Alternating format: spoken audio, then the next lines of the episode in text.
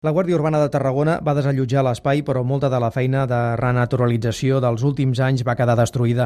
La regidora de Medi Ambient de l'Ajuntament de Tarragona, Eva Miguel, ha fet una crida a la conscienciació ciutadana. Fets com els que hem patit aquest cap de setmana fan que la feina i els esforços de molta gent i de fa anys s'ensorren a qüestió d'hores. És per això que fem una crida a la consciència ambiental d'absolutament tothom, entenent quins són els límits a los que podem arribar. L'entorn natural de la desembocadura del Gaià entre Tarragona i Altafulla és un espai protegit molt fràgil. L'associació La Sínia fa anys que treballa per preservar la seva biodiversitat. El coordinador de l'entitat, Héctor Hernández, està indignat amb els danys ocasionats pels participants en el botellot. Diu que l'indret tardarà molt a recuperar-se. El fet de trepitjar sistemes dunars que són sistemes molt fràgils i segurament doncs, aquesta tasca que va fer la natura de recuperar el sistema dunar doncs en poques hores part d'aquesta feina que la natura durant tot l'any es perd. Les titulars de Medi Ambient de Tarragona i Altafulla reuniran dijous per treballar conjuntament per prevenir botellots a la zona i gestionar l'espai.